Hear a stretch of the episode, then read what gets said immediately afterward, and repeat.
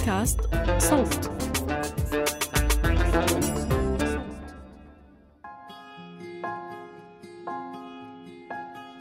كنت دائما أتعالج عشان الناس. ما كنت أتعالج لأني أبي أطفال عشاني. كان كله عشان الناس عشان أراويهم إنها شوفوا أكو عندي بيبي خلاص جبته. كان عشان لأنه أنا اكتشفت إن أنا ما راح أكسب احترام طليقي إلا إذا أنا صرت أم. ومثل ما نقول شوي حسيت بالنقص. لأن أنا لازم أصير ذي الشي عشان فلان يحترمني. أستلم تعليقات ويصير عندي كبت كبت كبت كبت. بس أسمع أسمع أسمع وأسوي روحي إني عادي. أبتسم في وجههم أو أضحك أو ان أبين لهم إني مو واجد متضايقة بس الكلام واجد يجرحني.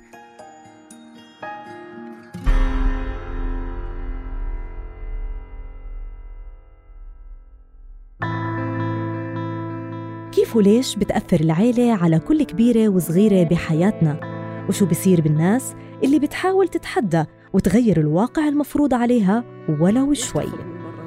تبون تفسخون بيتكم أو تبون تطلق دائما اتعالج بالمقابل عشان قصص هالموسم عن قوانين وعادات وتقاليد متجذرة ومش سهل تتغير بيوم وليلة.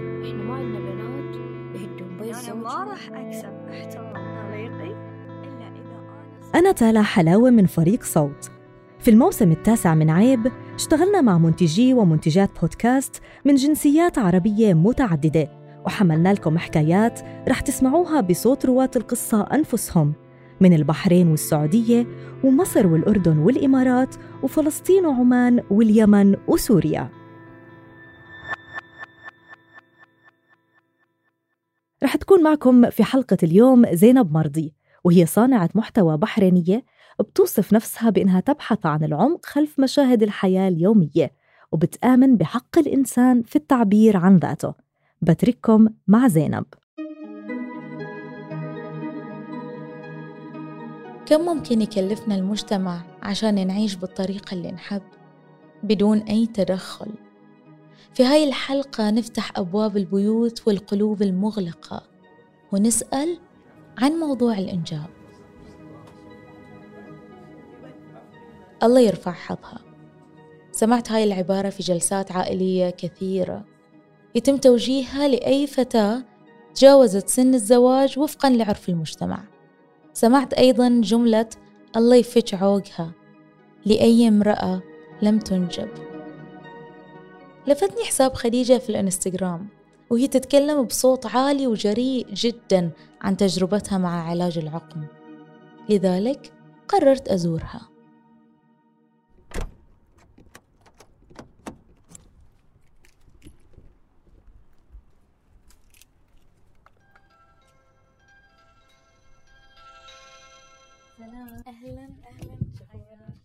أول ما دخلت بيت خديجة لقيت كل التفاصيل في البيت توحي بوجود طفل. صور موزعة في الصالة بيت ألعاب كبير كأن احتفاء بوجود كائن صغير في هاي العائلة. الأمر اللي خلاني أكون فضولية أكثر تجاه هذه القصة. مت... مو متوترة مرتاحة بس إن شاء الله أسوي كل شيء أوكي. شخصيتي اندثرت أكثر لأن حسيت روحي إنه بلا قيمة إنني كأن إذا ما عندي أطفال أنا ما عندي قيمة ما لي قيمة أصلا بينهم.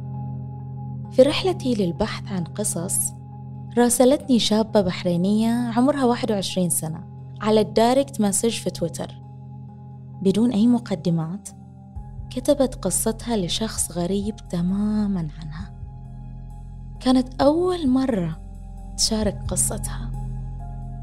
في البداية رفضت ريانة تظهر بصوتها الحقيقي لكن قبل بيومين بس من المقابلة كلمتني وخبرتني إن بعد تفكير طويل راح أطلع باسم مستعار ولكن بصوتي.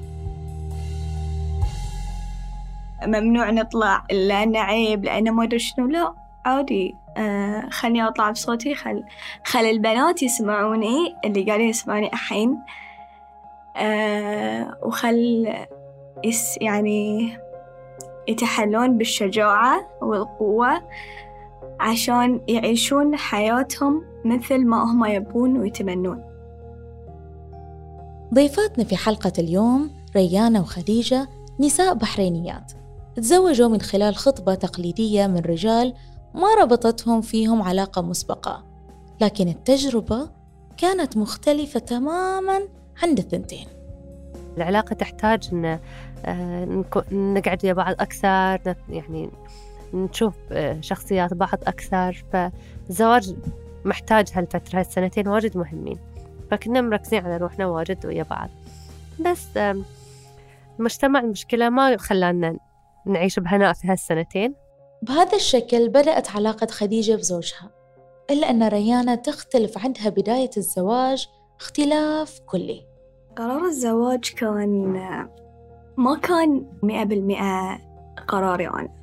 هاي أول شي أغلب اللي يتزوجون في هالعمر يكون في شوي ضغط عليهم من أهلهم شوي ضغط عليهم من المجتمع شوي ضغط عليهم من عوائلهم لأن يعني طبعا في ع... في عائلتي طبعا أو في وايد عوائل خلاص البنية لما توصل عمر 18 لما آه تخلص دراستها يعني 12 سنة.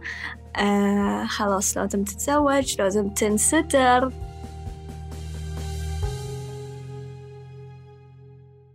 في البداية العلاقة بين ريانة وزوجها كانت علاقة طبيعية مثل أي زوجين حديثين. هو كان من العائلة وساكن في قطر لذلك هي انتقلت من البحرين في فترة زواجها. لكن في هذا الانتقال لاحظت أن في إشارات سلبية تجاه شخصيتها كان ما في أي شيء اسمه نقاش. ما في سياسة النقاش وآداب النقاش كانت معدومة. هاي في البداية وأنا من النوع اللي أحب أتكلم وأجادل أحد يسمعني وأسمعه.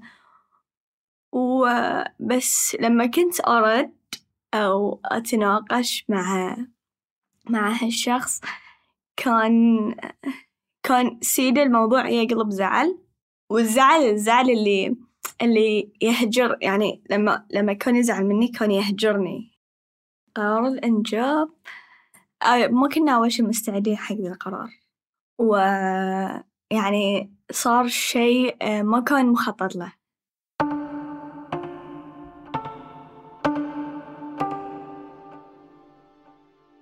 أما عن خديجة فبعد فترة من زواجهم ابتدى الضغط المجتمعي تجاه تأخرها في الحمل ومن هني بدأت معاناتها.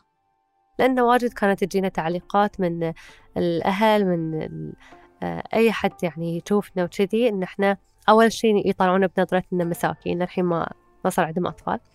وثاني شيء إنه يلا متى تحملون؟ يلا متى تحمل متى تحملون؟ أستلم تعليقات ويصير عندي كبت كبت كبت كبت أس بس أسمع أسمع أسمع وأسوي روحي أني عادي.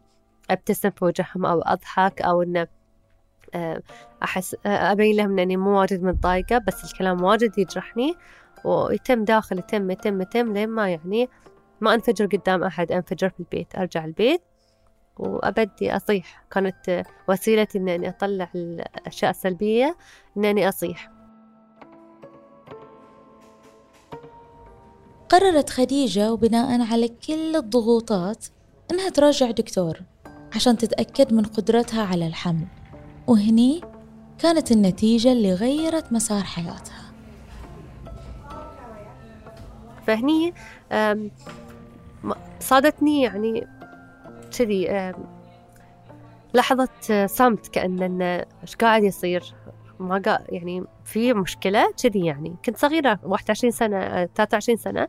ما جا في بالي إنه أوه يعني ما بقدر أحمل. الحين قاعد يقول لي شيء إن احتمال ما أقدر ما أقدر أحمل بطريقة طبيعية آه، شوي صادتني صدمة بسيطة.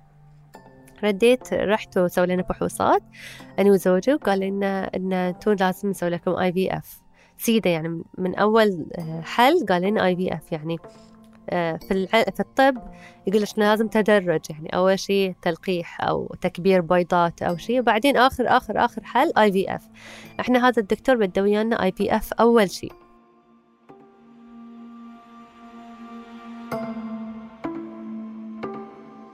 ال IVF هو التلقيح الصناعي وهو عبارة عن عملية الإخصاب خارج الجسم واللي تتم عبر جمع البويضة مع السائل المنوي في ظروف مختبرية.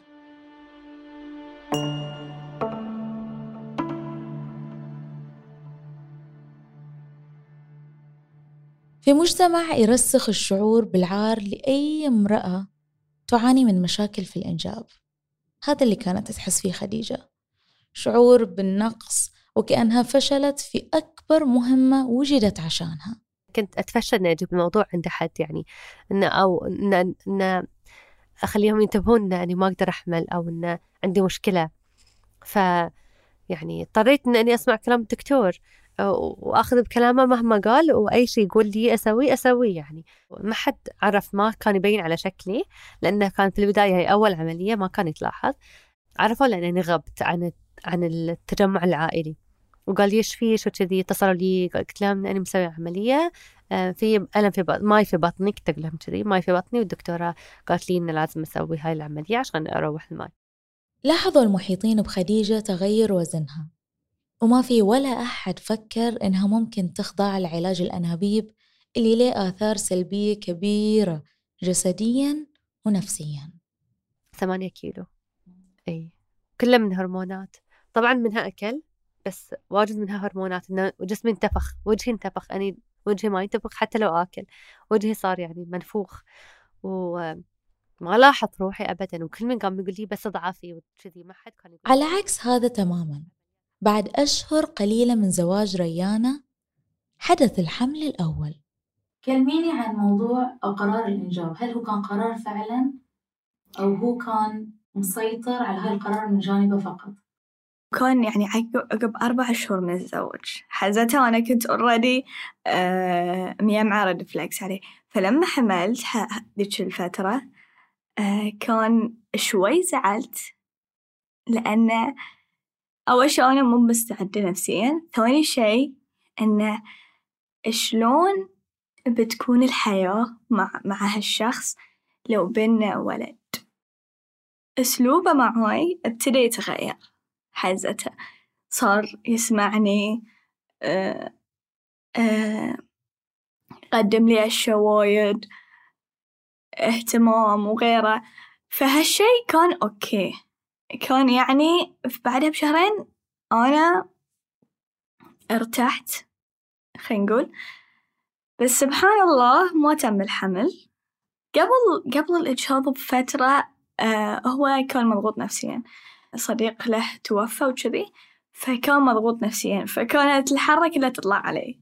فلما حزته أنا بعد انضغطت نفسيًا. ولما تعرفين الحامل في البداية لازم لازم نفسيتها أهم شي أهم من الحركة وكل شي لأنها هرمونات. ف نفسيا أنا انضغطت وسبحان الله طاح الجنين.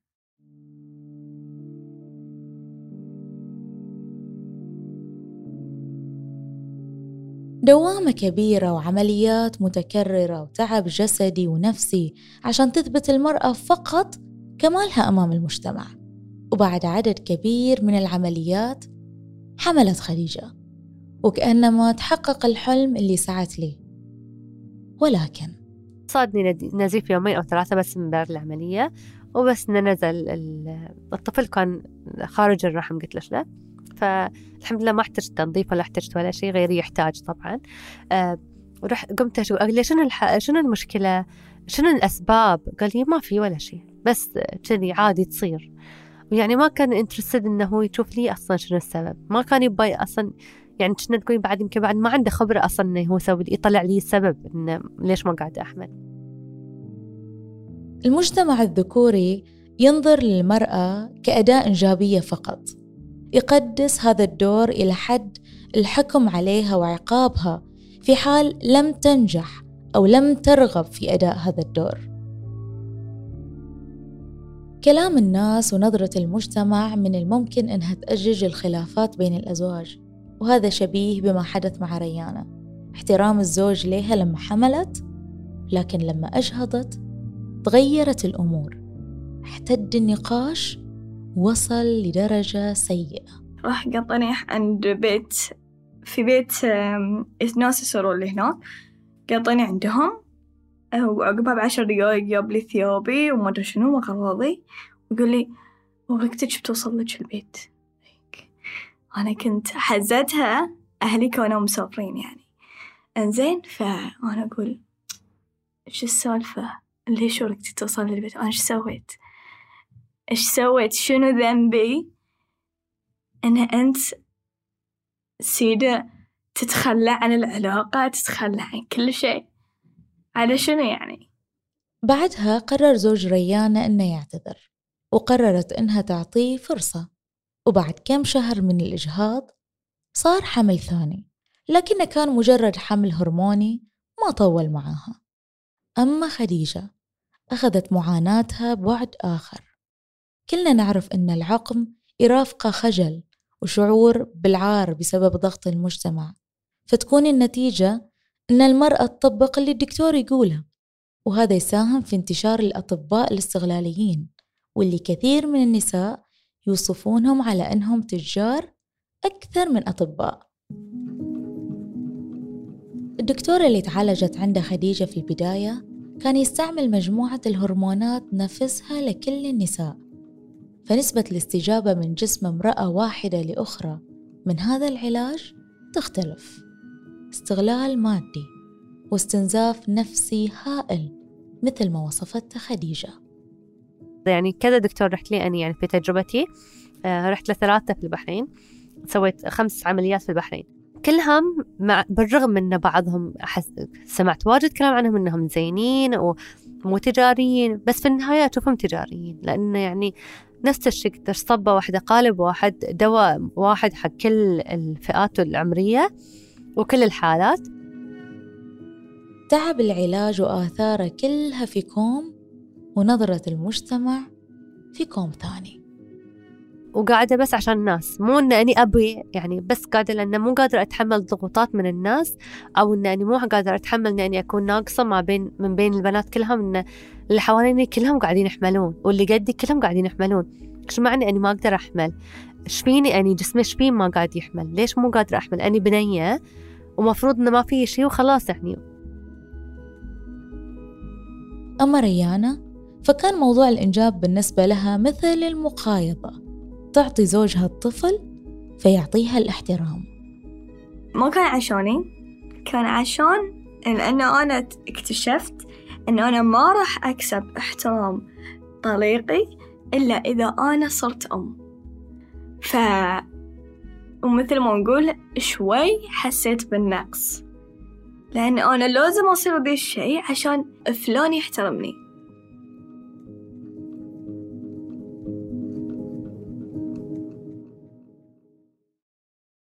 من الغريب أن المجتمع يعطي نفسه الأحقية والحرية الكاملة في التعليق والتجريح والانتقاص من امرأة فقط لأنها غير قادرة على الإنجاب.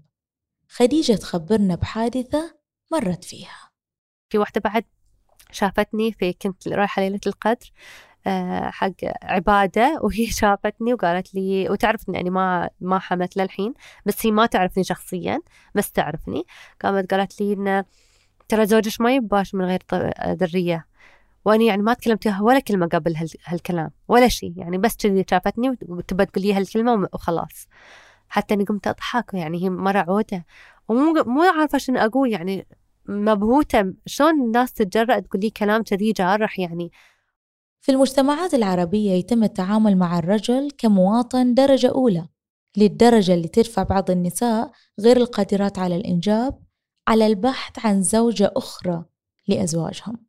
ومن جانب آخر بوسع الرجل أن يستخدم الدين والمجتمع كوسيلة تهديد لزوجته. كان في بيننا مشاكل لأنه كان يقول لي أنا باخذ عليك وحدة لأن أنتي آه ما تقدرين تجيبين العيال. فأنا قلت يعني أنا أقول هو على أي أساس قرر ذا الشيء؟ ولا دكتور من اللي أنا رحت لهم واللي أنا تعالجت عندهم قال لي هالكلمة. فحزتها أنا كنت يعني انهيار انهيار نفسي من الدرجة الأولى. ممكن أول ناس في العائلة ما عندنا أطفال. فكان في اثنين ثلاثة من عائلتنا اثنين ثلاثة من عائلته. فكان الموضوع إنه أوكي كل من بعد السنين يحمل مثلا مثلا نقول 11 سنة يصير عندهم أطفال. فهل هالأشخاص كلهم ولا واحد منهم نفكر يتزوج عشان يكون عنده أطفال؟ فاحتمال لو شاف إنه يعني في ناس آه، تزوجوا عشان الأطفال احتمال مثلا كانت تجي في مخه مثلا يعني هو بعد مو معصوم هو إنسان يعني.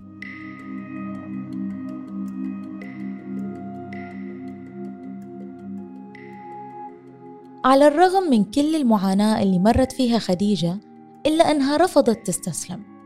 قررت تكمل هذا العلاج ولكن في بلد أجنبي تقول إن الأطباء فيه غير استغلاليين لحاجتها الملحة. أخيرا في أحد يهتم يهتم لي كمريض وما يعاملني ك بس يعني حيوان واحدة ورا الثانية يسوي لها علاج. فعجبنا وقلنا بنروح لهاي الدكتور الدكتورة مرة ثانية خدنا موعد ردينا رحنا. فيوم رحنا آه شفنا إن صدق يعني اهتمامهم واجد كبير. ان إحنا أصلا خطة العلاج تختلف نهائيا عن البحرين. سالفة إن أني أحمل آه انني تأخرت كل سنة أحسب أوه ما قريب بصل 30 قريب بصل 30 الحين ما حملت كان يوترني أكثر وأكثر. And in particular, a full stop to those thoughtless ذكرني. كلام خديجة بخطاب على منصة تيد لأخصائية الخصوبة جيسيكا بوركي. عن التعليقات المزعجة اللي تتعلق بحدود العمر والإنجاب والإجهاض. تقول جيسيكا في خطابها إن تعليقات الناس حول الإنجاب تفتقر للحساسية وتكون مؤذية. مثل لما أحد يجي ويقول أوه صار عمرك 35 العمر يمر. مو حاسة إنه صار لازم تحملين؟ أو مثلا أوه أجهضتين؟ يلا ما عليه تمي تجربين وتحاولين.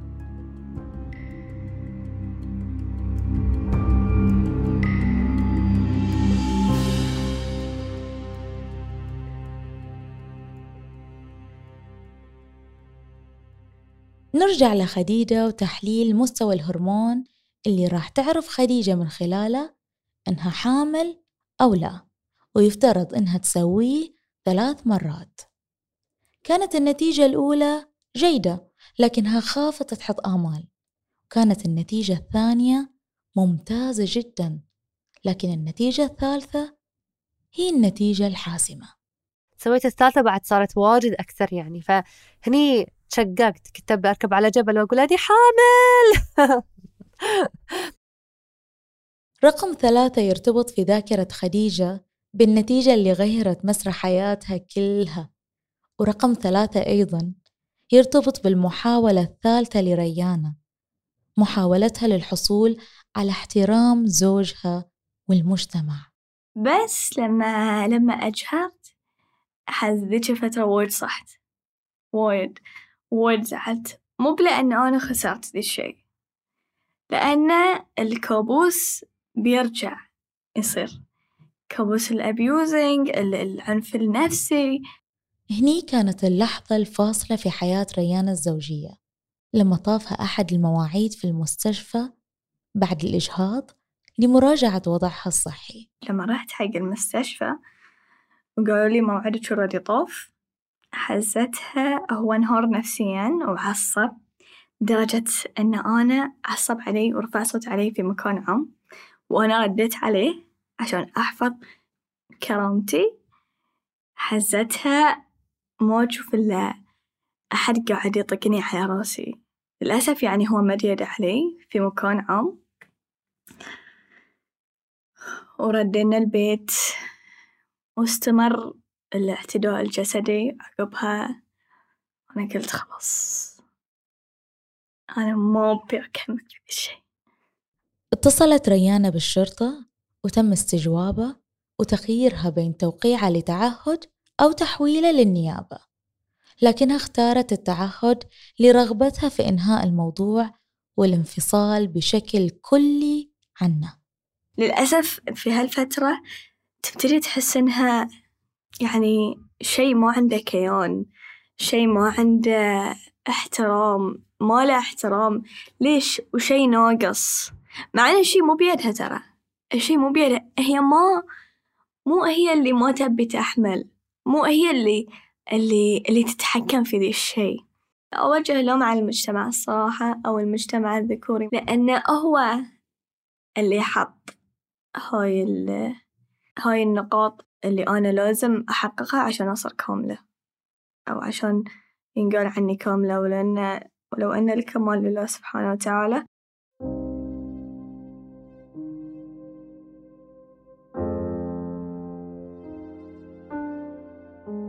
تشير بعض الإحصائيات في البحرين أن من بين كل عشرة أزواج تقريبا هنالك ستة أزواج يواجهون صعوبة في الإنجاب وأربعة أزواج من بين كل عشرة أزواج يحتاجون إلى تلقيح صناعي أو تنشيط أو أطفال أنابيب أو حقن مجهري ولكن هل تشكل الرغبة في الحمل رغبة المرأة ذاتها؟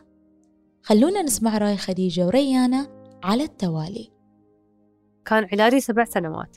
فخلني أقول لك تقريبا 90% من وقت علاجي كله كنت دائما أتعالج عشان الناس. ما كنت أتعالج أني أبي أطفال عشاني. كان كله عشان الناس عشان أراويهم إنه ها شوفوا أكو عندي بيبي خلاص جبته. كان محاولة إثبات ذات كان محاولة آه إنه أنا أكسب احترام الناس حقي. كان محاولة إنه أنا أرضي الناس ولو أن رضا الناس خير لا تدرك كنت في حالة قلق.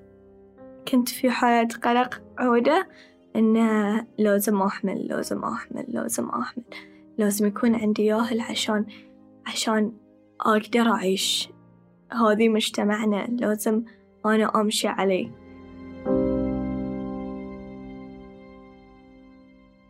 بعد سبع سنوات قدرت خديجة أنها تنجب طفلتها مريم.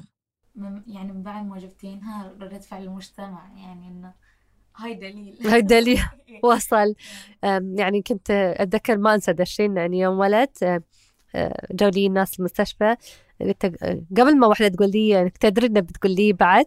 كنت أقول لها يلا إن شاء الله السنة الجاية بجيب علي. إنه يعني لا أدري بيقولوا لي بعد جيبي يعني يلا سيدة. قالت لي ها. قلتي قبل ما إحنا نقول لك تلاقيه خلاص تعلمت.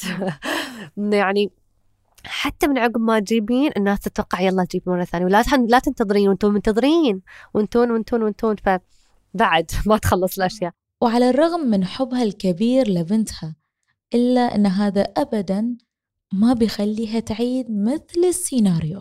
صراحة يعني أني أني ما أفكر في طفل ثاني أفكر في إنه بس الحمد لله الله رزقني هذه خلاص الحمد لله الحمد لله. يعني الله لا يحوجني إني آه إني أروح أتعالج مرة ثانية لأنني ما أبي أتعالج مرة ثانية.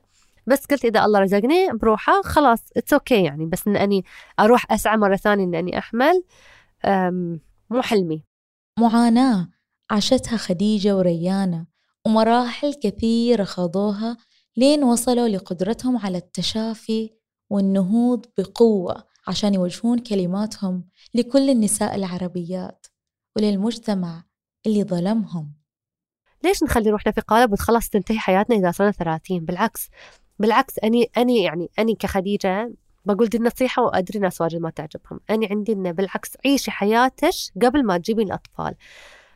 الطفل ما يعيق بس واجد يحتاج وقت. الطفل يحتاج اهتمام كبير كبير كبير. يعني يحتاج كل شيء يحتاج وقتك كله. قبل ما تحملين أصلا روحي عيشي حياتك روحي استانسي روحي سوي عشان إذا قعدتي في البيت بعدين بسبب إن انت لازم تربين طفل ما تكونين ساخطة على الطفل إن أني ضحيت وهديت كل شيء عشانك لا. حق النساء. بس بسألهم سؤال. أنتوا كم مرة بتعيشون؟ مرة. تبون تكملون هالمرة بوضعكم ذي خصوصا النساء اللي قاعدين يعانون يعني. أو آه تلاحقون آه تركضون وراء أحلامكم وراء طموحاتكم وراء وراء الأشياء اللي أنتوا تحبونها. فصدق صدق يعني. حق كل واحدة تسمعني. إذا أنتي قاعدة تعيشين أو أو مريتي بهالشي عيشي حياتك مثل ما أنتي تبين.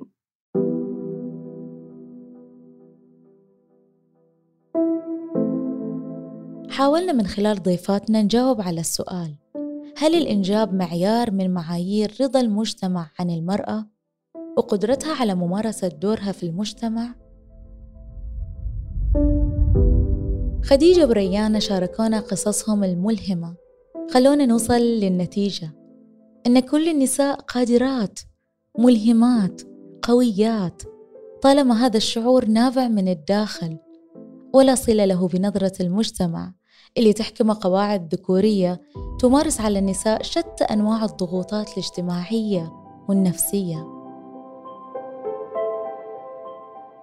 بحسب دراسة عالمية عن الإنفاق على عمليات التلقيح الصناعي يتراوح بين 10 إلى حوالي 14 مليار دولار أمريكي سنوياً ويقدر حجم الإنفاق في العالم العربي بمليار دولار أمريكي.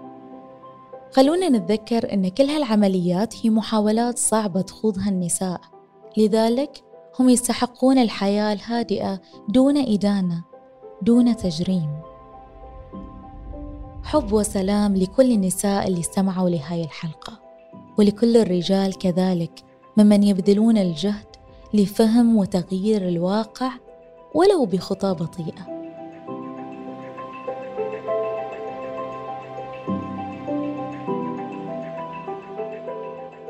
كنت معاكم في الإعداد والتقديم زينب مرضي في المتابعة والتنسيق بسنت سمهود ومن التحرير تالا حلاوة وفي الهندسة الصوتية محمود أبو ندى.